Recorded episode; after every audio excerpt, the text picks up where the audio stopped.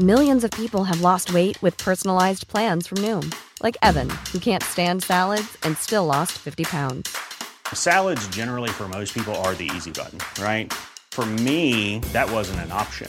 I never really was a salad guy. That's just not who I am. But Noom worked for me. Get your personalized plan today at Noom.com. Real Noom user compensated to provide their story. In four weeks, the typical Noom user can expect to lose one to two pounds per week. Individual results may vary. Hiring for your small business? If you're not looking for professionals on LinkedIn, you're looking in the wrong place. That's like looking for your car keys in a fish tank. LinkedIn helps you hire professionals you can't find anywhere else, even those who aren't actively searching for a new job but might be open to the perfect role. In a given month, over 70% of LinkedIn users don't even visit other leading job sites. So start looking in the right place. With LinkedIn, you can hire professionals like a professional. Post your free job on linkedin.com slash people today. Hey, it's Ryan Reynolds, and I'm here with Keith, co-star of my upcoming film, If, only in theaters May 17th. Do you want to tell people the big news? All right, I'll do it. Sign up now and you'll get unlimited for $15 a month in six months of Paramount Plus Essential Plan on us. Mintmobile.com slash switch. Upfront payment of $45 equivalent to $15 per month. Unlimited over 40 gigabytes per month. Face lower speeds. Videos at 480p. Active Mint customers by 531.24 get six months of Paramount Plus Essential Plan. Auto renews after six months. Offer ends May 31st, 2024. Separate Paramount Plus registration required. Terms and conditions apply if rated PG.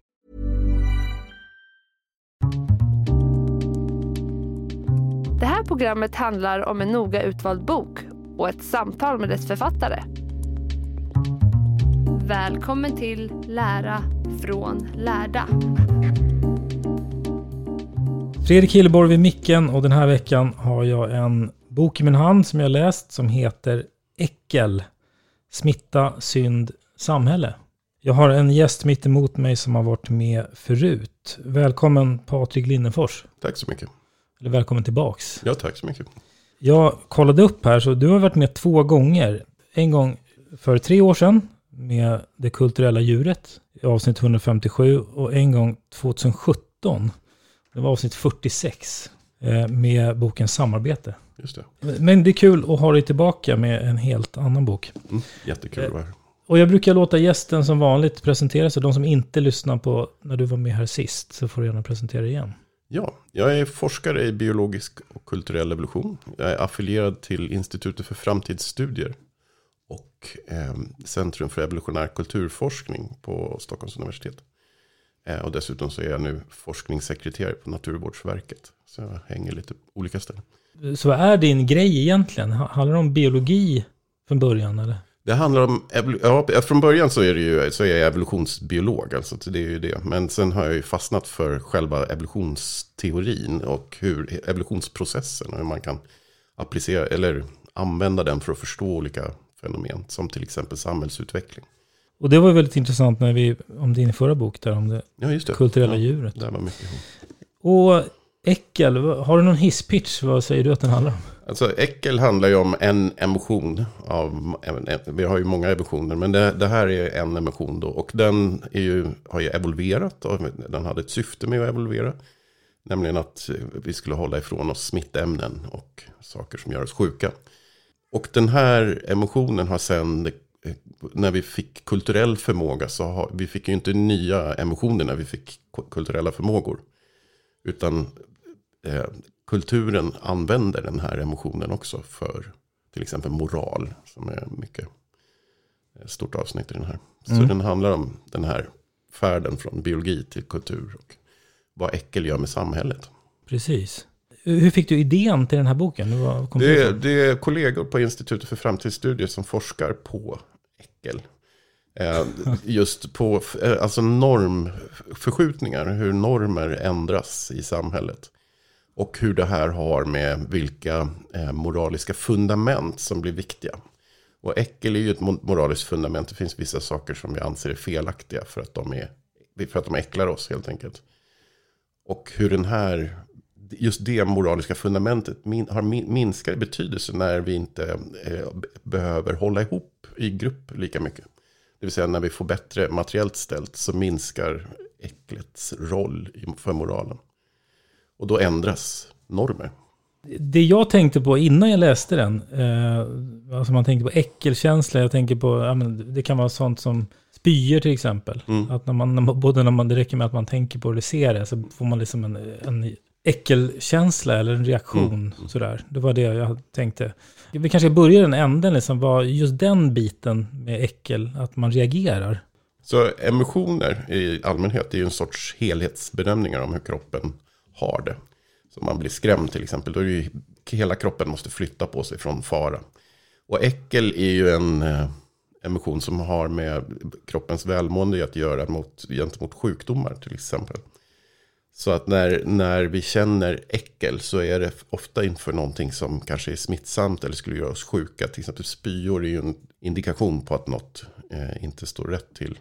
Så ja, Ja, Så, det är egentligen kopplat till någonting som vi ska hålla oss undan ifrån. Mm, exakt, det, är- det är en, en, man brukar säga att det är en beteendedel av immunförsvaret.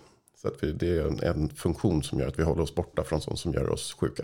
Det är något positivt och bra egentligen, en överlevnadsfunktion. Precis, och det såg vi under coronapandemin. Att vi, alltså det blev ju, blev ju en effekt när vi fick höra om hur vi skulle bete oss. Att man blev lite så här, Eh, det blev lite svårt att vara i folksamlingar till exempel.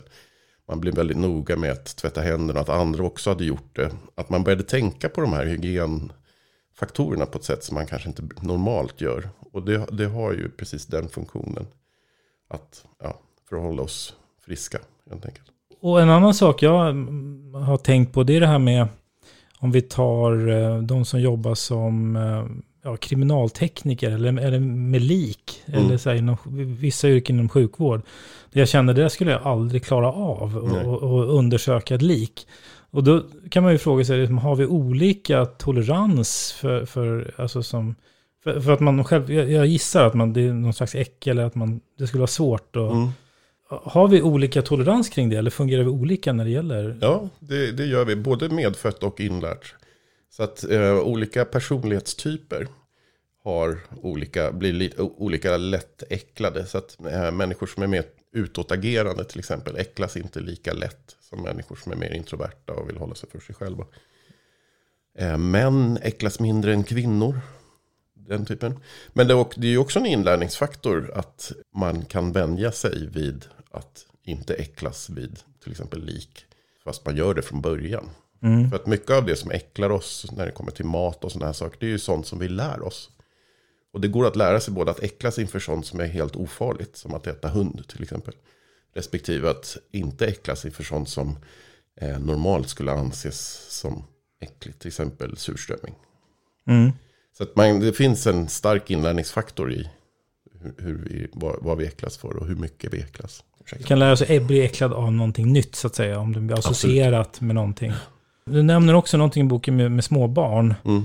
Vid en viss ålder, för att väldigt små barn som, som mitt som är ett och ett halvt kan ju stoppa grejer i munnen på Mm. gatan eller åt höger och vänster. Fast det slutar man ju med efter ett tag. Alltså, de, Mm. så, alltså det, det, det sker någon utveckling vid Mm. en viss ålder. Ja. Så äckelreaktionen är inte riktigt färdig förrän typ fem års ålder brukar man säga. Innan dess så äcklas man inte för saker som, eh, ja, som, som andra människor normalt äcklas för. Man har testat det här till exempel genom att göra experiment. Man låtsas nyser i, en, eh, i äppelmos. Och sen så serverar man det här. och då barn, riktigt små barn bryr sig inte om det där. Men större barn vill inte äta den här äppelmosen. För att det är äckligt. Det är ju synd egentligen, för det borde ju de kanske hålla sig friskare. Alltså om det, om det fanns från början med eh, små barn. Ja, du tänker så. Ja, fast å andra sidan, vi måste ju utsättas för en del bakterier också för att få vårt immunförsvar att kicka igång ordentligt. Ja, det, kanske ändå Mm. har en funktion. Det visar ju sig minst, inte minst när de släppte pandemirestriktionerna, att, vi, att helt plötsligt så blev vi sjuka igen. För att vi har missat en massa eh, förkylningar och sånt här som vi annars hade gått igenom i lagom tempo. Nu fick man allt på en gång istället. Mm. Eh, och nu, nu har vi pratat liksom om den, den så att säga, biologiska funktionen och hur, hur det fungerar. Men det som är intressant och det som är själva huvudtemat i boken är ju något annat. Alltså det är en annan typ av vecka som kommer mer från kultur, Mm. eh, det sociala, alltså den biten. För det är ju det som är intressant. Skulle jag säga i alla fall. Ja, ja, ja, jag håller med dig. För det är ju, det, här är ju, alltså det här med att vad vi äcklas för är ett öppet program, eh, kan man säga. Men det är inget vi föds med. Eh, vi vet inte vad som är äckligt och inte äckligt när vi föds. Utan vi lär oss det här under uppväxten. Och i och med att det är ett öppet program så gör det att vi kan lära oss att i princip vad som helst är äckligt. Eh, och det här öppnar ju upp för allehanda intressanta företeelser som till exempel i Sverige så äter vi inte hund. Eh, I Saudiarabien äter man inte gris och i Indien äter man inte ko. Och det här är bara kulturella normer som är väldigt godtyckliga. Eh, men det här har också inverkan på vilken moral vi har. På, det är ett, en, en, en av de emotioner som vi förankrar moraliska ställningstaganden i. Så är det just äckel.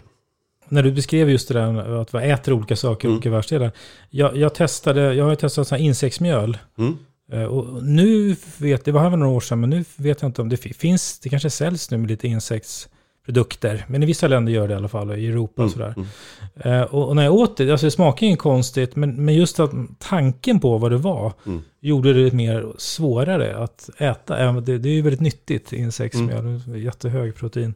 Det skulle lösa ganska stora miljöproblem om vi gick över till att hämta vårt djurprotein från insekter istället för kor.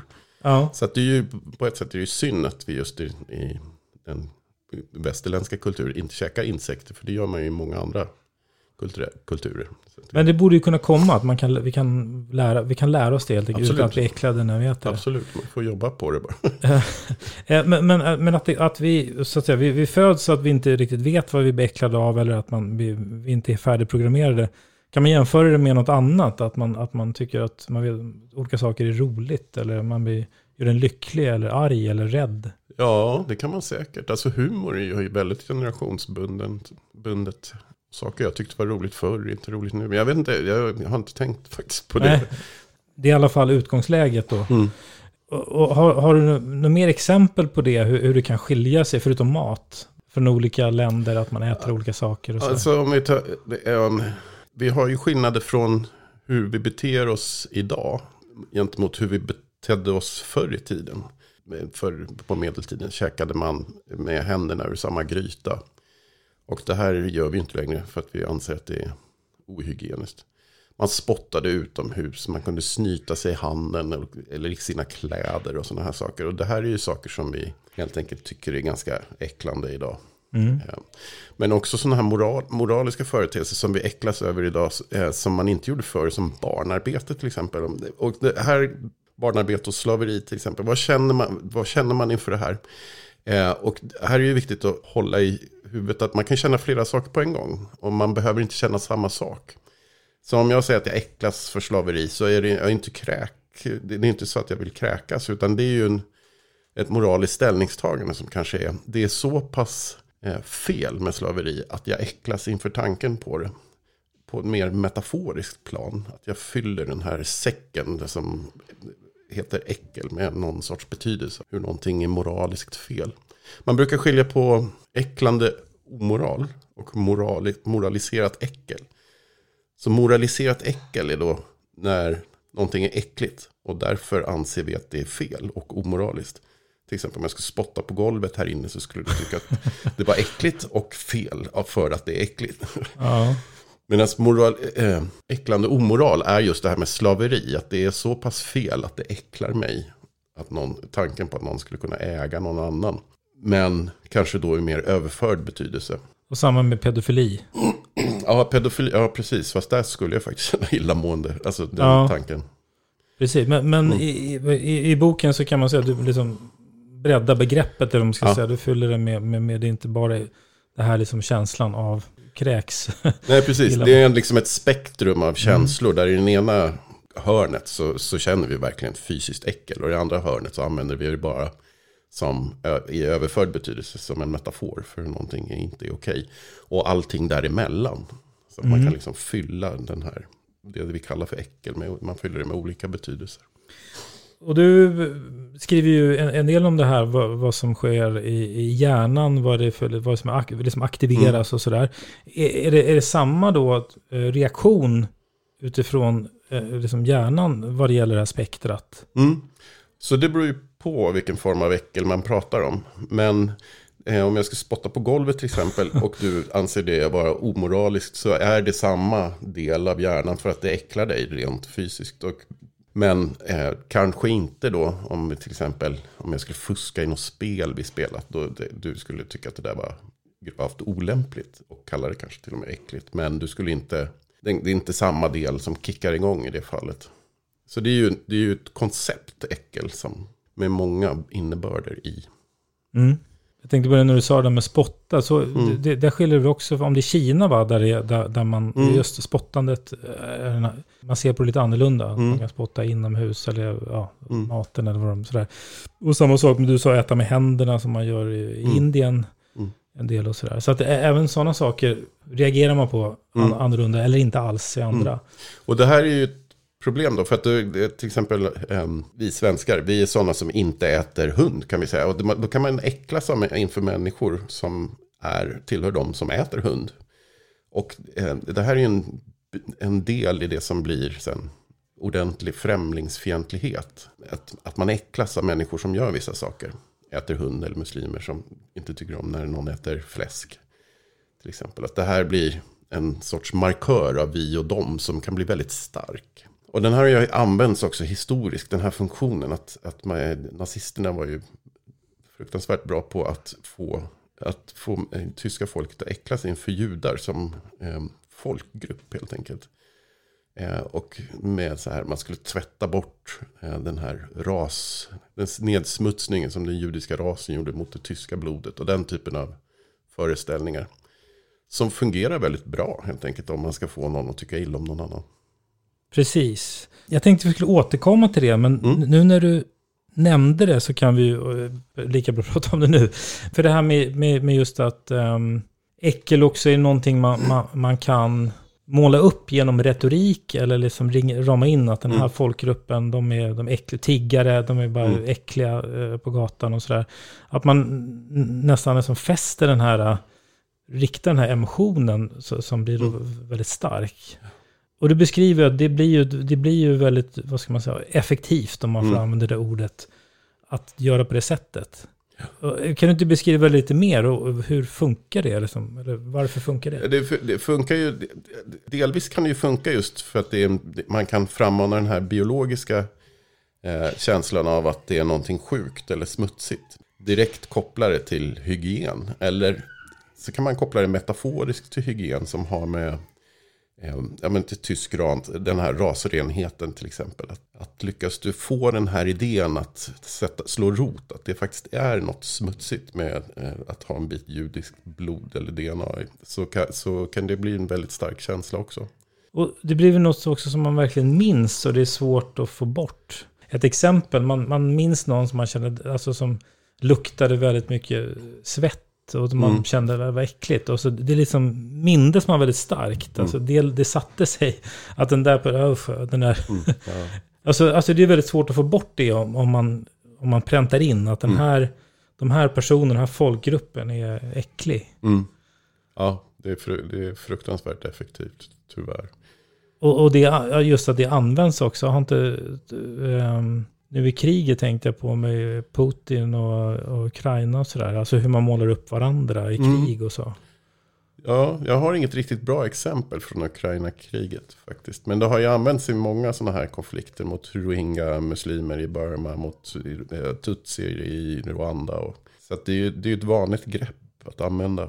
Det är väldigt svårt att argumentera emot, eller på mm. något som Nej, det finns ju inga motargument mot äckel, utan det är ju på något sätt man får påpeka att det här är inte riktig smuts, utan det här är någon som försöker lura dig att känna den här. Alltså det är där, lite det som jag vill, är ute efter i boken också, att man ska se sina egna äckelkänslor och upptäcka vad det är man...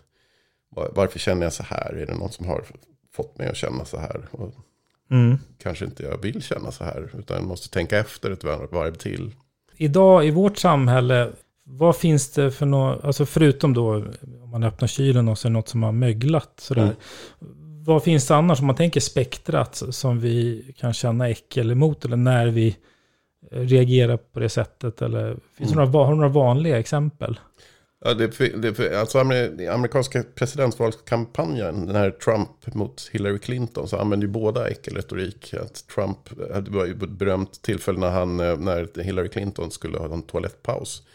Och Trump kommenterar det här med orden ja, jag vill inte ens tänka på vad hon gör där inne. Vilket är, ja, alltså alla vet ju vad man gör på en toalett. Men det var så tydligt att han ville få henne, eh, ja, man skulle bli äcklad inför tanken ja. på hon höll på med. Eh, och hon använde ju samma sak, att hon pratade om Trumps väljare som en eh, the, the basket of deplorables. Alltså, eh, och sa saker som att ja, det, det, det, fin- det är synd att det finns sådana människor. Vilket är ganska starkt uttalande, eh, får man ändå säga. Eh, och hon, hon var ju mer rumsren av kandidaterna ändå.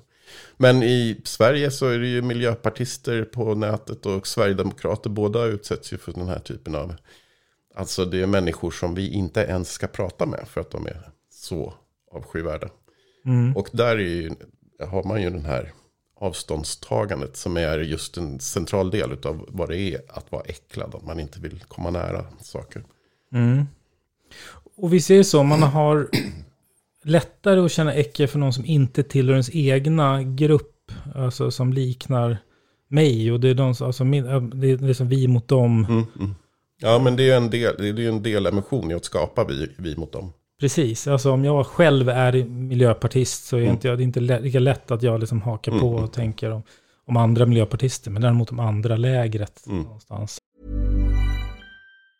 Many of us have those stubborn pounds that seem impossible to lose, no matter how good we eat or how hard we work out. My solution is plush care. PlushCare is a leading telehealth provider with doctors who are there for you day and night to partner with you in your weight loss journey. They can prescribe FDA-approved weight loss medications like Wagovi and Zepbound for those who qualify.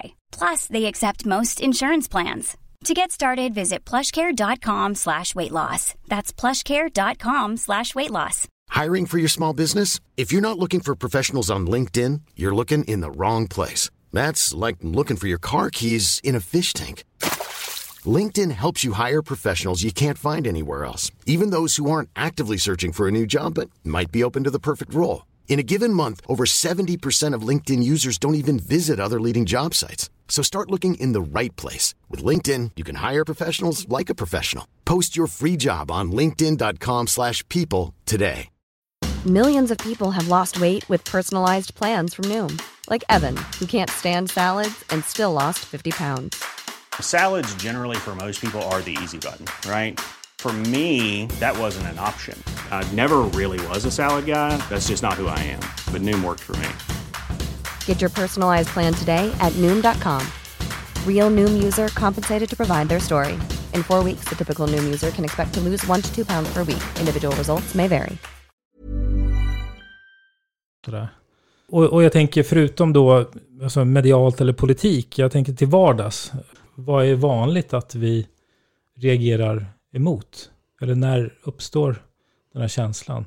På något sätt, sociala medier är lite gjort för att eh, vi matas hela tiden med massor med tusentals historier som vi får delade via sociala medier och andra medier. Eh, och de som slår rot och de som gör, får oss att känna någonting, det är ju de ofta vi kommer ihåg och sprider vidare. Och äckel är en av de här emotionerna som gör att vi kommer ihåg någonting och sprider vidare. Men så här, det här var väl inte okej och så vidare. Så på något sätt så får vi de här tusentals historierna och så filtreras de genom våra psyken. Och det här får dåliga effekter för då sprids de här historierna som äcklar oss mycket mer än andra historier. Då kanske vi också passar på att prata just om det här moral. Mm. För du, du, du pratar med etik och moral och, och kommer in i boken på hur det så att säga hänger samman. Mm. Eh, vad som är moraliskt fel. För det blir också, om, om man tycker att det är någon som gör övertramp, det är mm. helt fel. Det är också den här typen av... Kan du förklara hur det hänger ihop? Det finns ju en, en teori då som är en socialpsykolog som heter Jonathan Haidt har tagit fram. Som handlar just om den här tanken om, vad, om när vi gör en moralisk ställningstagande på något sätt i slutet så, eller i botten på de här moraliska ställningstagandena så baserar vi dem på någonting. Så till exempel, du får inte, göra, du får inte slå mig för att du skulle skada mig. Och det är inte okej att skada någon annan. Det är en av de här moraliska fundamenten. Liksom, man får inte skada andra. Rättvisa är ett sånt fundament. Frihet är ett annat fundament. Och de här tre, rättvisa, frihet och eh, skadebegränsning, är vad man brukar kalla individbaserade. Rättvisa, frihet, skadebegränsning. Precis, du får inte begränsa min frihet, du får inte göra mig, skada mig och du får inte behandla mig orättvist. Det är mig det handlar om. Sen finns det gruppnormer som vi har för att, för att hålla ihop grupper. Och, eh, han pratar om auktoritet, att man ska lyssna på andra som bestämmer. Alltså hövdingen typ, eller vad det nu är. Eh, akademiker. eh, lojalitet, man ska hålla ihop i gruppen. Då. Och så är äckel en sån här eh, gruppnorm.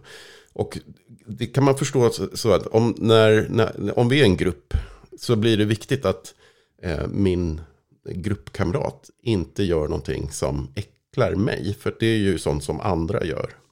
Och det är här sådana här saker som att människor bryr sig om att andra är homosexuella till exempel. Att det blir, det är en sån här eh, äckelnorm. Att du får inte göra det där som jag, som jag anser är äckligt. Fast du gör det hemma hos dig så angår det oss alla. För att det är vi som måste hållas i ordning på så att säga. Ja, du tänker att det motiverar eller förklarar varför man, någon är emot homosexuella? Mm, mm. Ja, i dagens samhälle? Inte så mycket. För att nu, nu, nu är vi nu, och det är det här som är normförskjutningen som har skett. Att förr i tiden så var de här gruppsammanhållande normerna mycket viktigare. För att vi behövde hålla ihop mycket mer för att klara oss i, i livet. Och nu när vi har ganska gott ställt, de flesta av oss, och bra materiellt välstånd och sådär.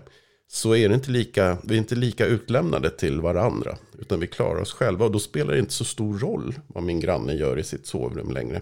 Så att den, den här, de typen av, eh, eh ja, se, det här med auktoritet, alltså se, ära kungen. Mm. eh, lojalitet, vi, vi, vi kan bränna flaggor utan problem. Och de här äckelbaserade normerna, att vad, vad, folk, vad folk håller på med i sitt sovrum är liksom deras ensak. Mm.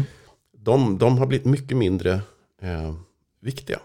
Och det här tror forskare då är orsaken till att varför den här normförändringen när, när vi gick från att homosexual, homosexualitet var något som inte var okej till att det helt plötsligt var okej och det gick jättefort.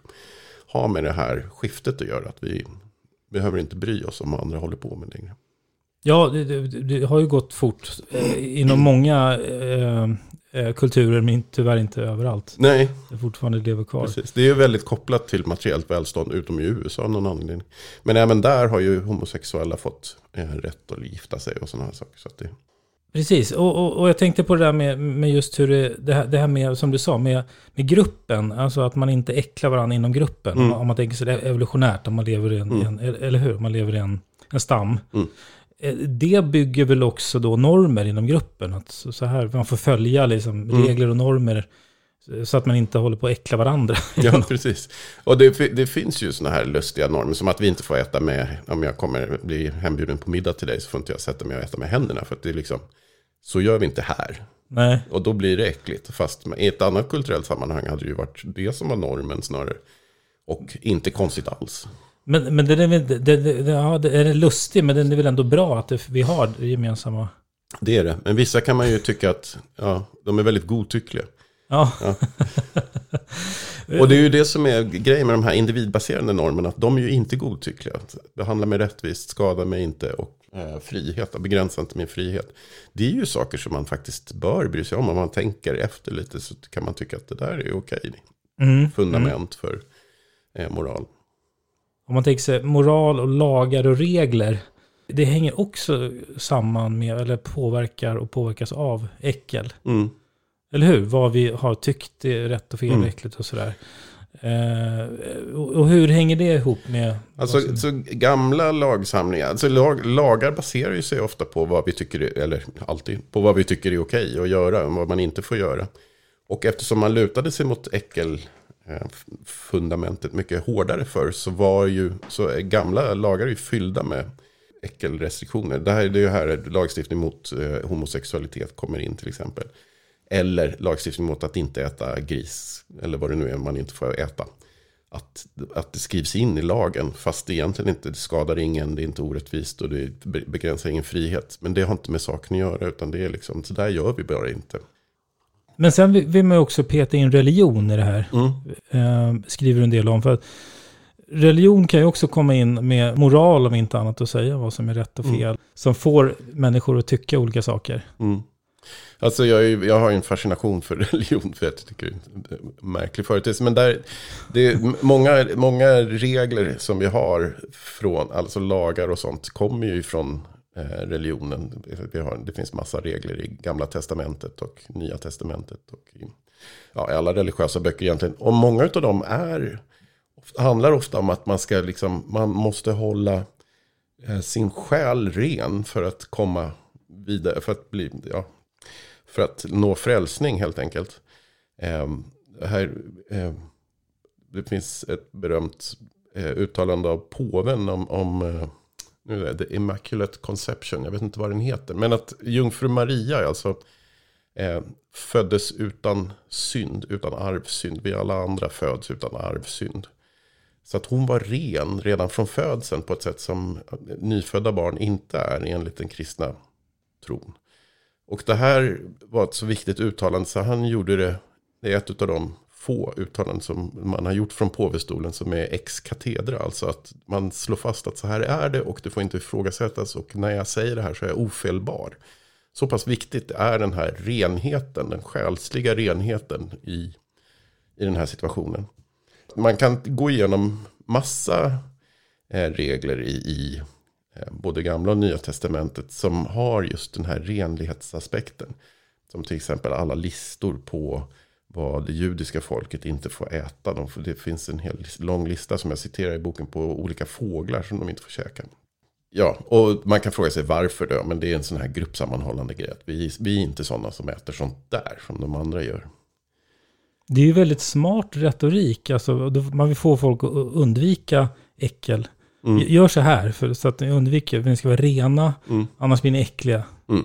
Och ni blir själs, själsligt nedsmutsade. Och det enda sättet att, ofta, ofta med sådana här religiösa regler, är ofta, enda sättet att bli renad från det här, det är att gå till exempel inom katolska kyrkan, man går och biktar sig. Och så får man be ett antal böner och då kan eh, prästen förlåta de här synderna och då är de rena, liksom rentvättade. Det, det finns inte längre det här problemet. Det, det är en smart retorik. Det är väldigt smart retorik. Jag tror inte att den är medveten. Jag tror bara att det, det var så här. Man hade en massa moraliska fundament som man byggde sina etiska regler på. Och äckel var en av dem. Det är ju väldigt smart sätt. Alltså om, om vi skulle starta en sekt.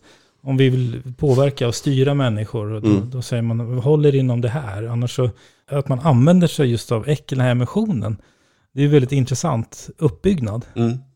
Och det, är lite, det finns ju en undersökning på så amerikanska frireligiösa sekter från, jag kommer inte ihåg, 1800-talet framåt. Och, och eh, där man ser att ju, ju, svårare regler det är att följa, det vill säga att ju hårdare krav som ställs på sektmedlemmarna, desto längre överlever de här sekterna. Så det finns ju en funktion i att göra ganska knepiga levnadsregler. Och här är ju gamla testamentet, de har, det finns ju, vad är det, lika många levnadsregler som ben i kroppen eller något sånt där, brukar man säga. Alltså det, det är väldigt knepigt att vara renlärig jude om man ska leva på det sättet. På något plan om man tänker sig skönhetsindustrin. Mm. Alltså att på något sätt man vill undvika, eh, alltså jag vet inte om det är äckel handlar om, men, men det fula, man vill liksom hålla sig ja, inom någonting. Vi har lösningen här för, mm. jag vet inte om det är, det är det här, men det angränsar ju lite grann.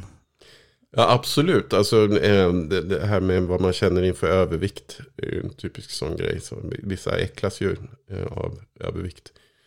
Och det finns andra rörelser som man ska liksom acceptera mer. Men det är ju, det är ju den typen av dynamik. Det är inte okej att se ut på det där sättet. För det är inte hälsosamt. Respektive alla får väl se ut som de vill. Det finns en pågående diskussion om det där. Mm. Och, om man tänker på polarisering, bidrar det här till polarisering? Det gör det ju, för att alltså dels kan, ju, eh, kan, ju, kan man ju medvetet använda äckelretorik för att polarisera samhället. Och det kan man ju fråga till exempel när Jimmy Åkesson häromdagen sa, pratade om eh, den här transsexuella personen som läste sagor för barn och översatte hennes eh, namn som hon använde i vuxensammanhang, skamlös vinhora, så var han ju precis ute efter att få den här, den här reaktionen att men det där är ju inte okej.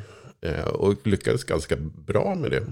Det ökar ju polariseringen typiskt. Att dels att en del äcklas av att det finns någon som heter skamlös vinhora som läser sagor för barn. Andra äcklas av hans behandling av transsexuella.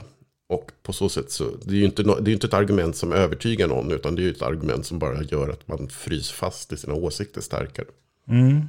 Och, och, om man översätter det liksom till, till vad som egentligen händer, det är att man, det blir en så stark känsla i det. Att, usch, mm. liksom, någon vinhora som, med barn, det är också känsligt. Mm.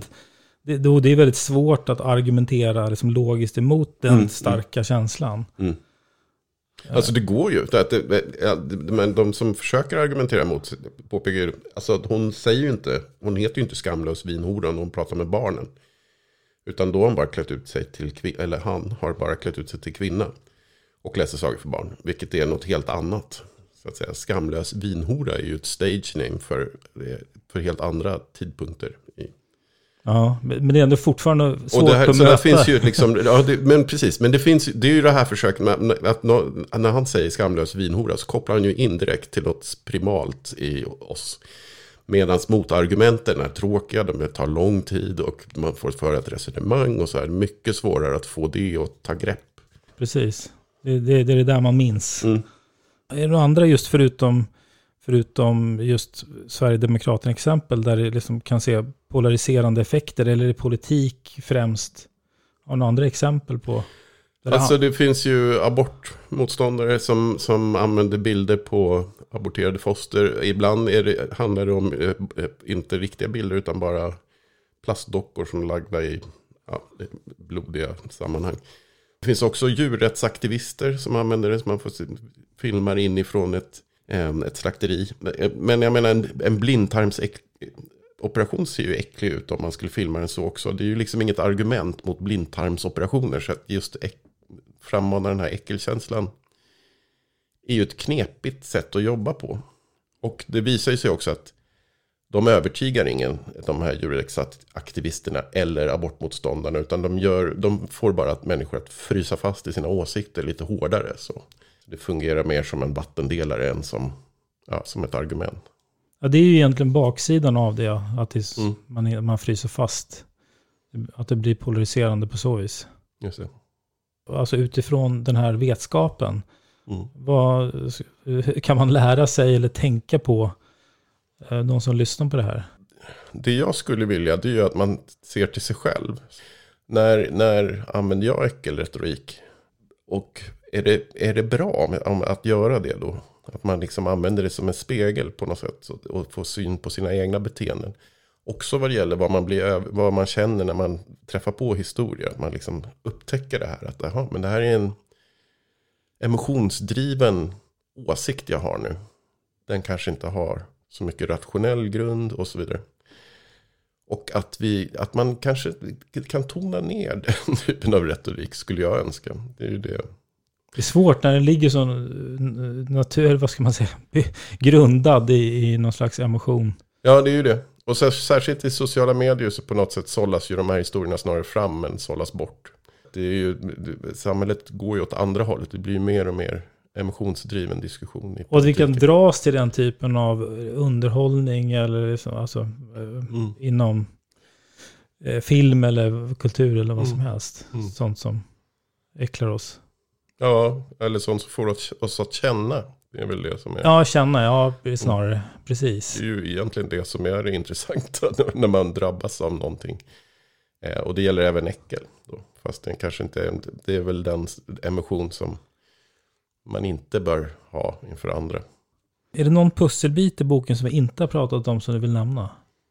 Alltså jag har ett långt kapitel, åtta, om vad äckel gör med marknaden. Vad vi får sälja och köpa, vad vi får göra med vår egen kropp och så här. Får man... Just det, med våra organ. Ja, så här, motbjudande marknader kallas det för. Det här, det här. Alltså får, man får ju donera njurar i Sverige. Um, man får till och med donera människ- en, en, njur, en njure uh, till människor man inte är släkt med. Det får man till exempel inte i Tyskland. Utan där måste det finnas någon relation till den man donerar njuren till. Av skäl som jag tror har med deras historia mer att göra.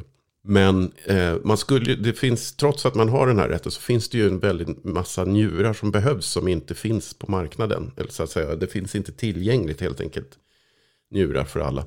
Och då är just frågan om man skulle kunna etablera någon sorts marknad för att köpa och sälja njurar att jag inte bara donerar min njure utan jag kan få en ansenlig summa pengar för att ge bort min njure till någon annan. Idag får man inte pengar. Idag får man inte göra det på det här sättet. Och det är ju på något sätt en tanke om att man, får, man ska inte skada. Eh, man, det, det, kan orsaka skada om, om en, desperat fattiga människor känner att de måste donera en njure fast de inte vill. Och så, där, så blir det en kroppslig skada på ett sätt som eh, inte är önskat. Det kan bli en form av utnyttjande. Men det finns också den här äckelaspekten att man kan inte sälja kroppsdelar hur som helst. För att det är liksom omänskligt på något sätt. Det är inte, det är eh, on, onaturligt eller vad man ska säga. Man, man håller på på det där sättet. Det är fel. Det är fel bara. Och den här tanken finns, in, eh, den känslan finns med i, i många diskussioner. Inte bara vad det njur, eh, Eh, njurar utan till exempel eh, eh surrogatmödraskap. Eh, det är en annan sån här, man hyr ut kroppen en period för att gå gravid med någon annans barn ofta märker man det att det blir väldigt känsloladdade diskussioner. För att det räcker liksom inte med att det kan skada mamman. Utan det, det är inhumant på något sätt. Det, det, är ovärdigt. Att den här typen av argument. Och de är ofta äckelbaserade. Att det finns något rent mänskligt naturligt som man inte får bryta mot. För att då är det inte bara fel och skadligt. Utan det är verkligen, ja det är något annat. Det är en överträdelse som går långt utöver bara att man drabbas av vanlig skada. Mm. Eh, narkotikadebatten har liknande inslag. Prostitutionsdebatten har liknande inslag. Och det blir väldigt, väldigt känsloladdat. Och man pratar ofta förbi varandra då. För att en sida har de här renhetsargumenten. Och andra sidan har de här ska, försöka skademinimera istället. Och då kan det. det bli väldigt... Det blir inte så konstruktiva debatter, det blir två läger som, som kilas fast. Ja, och man lyssnar inte på varandras argument helt enkelt för att man lutar sig på olika moraliska fundament. Bra, det är ju det är bra exempel på det just. Mm. Spännande. När man ser utifrån. Ja. Om man inte själv är i debatten. Nej, precis. precis. Om man lyssnar på det här och vill ställa någon fråga till dig, kan man hitta dig någonstans? Man kan hitta mig på, eh, på nätet, på alla möjliga, på Twitter, på Facebook, på Instagram och på mail. Härligt. Nu räknar jag med att om du kommer tillbaka om tre år då, för du har varit här var tredje år. Jag har satt upp någon sorts förväntan. Tack för att du var med igen. Det var jättekul att få komma. Tack.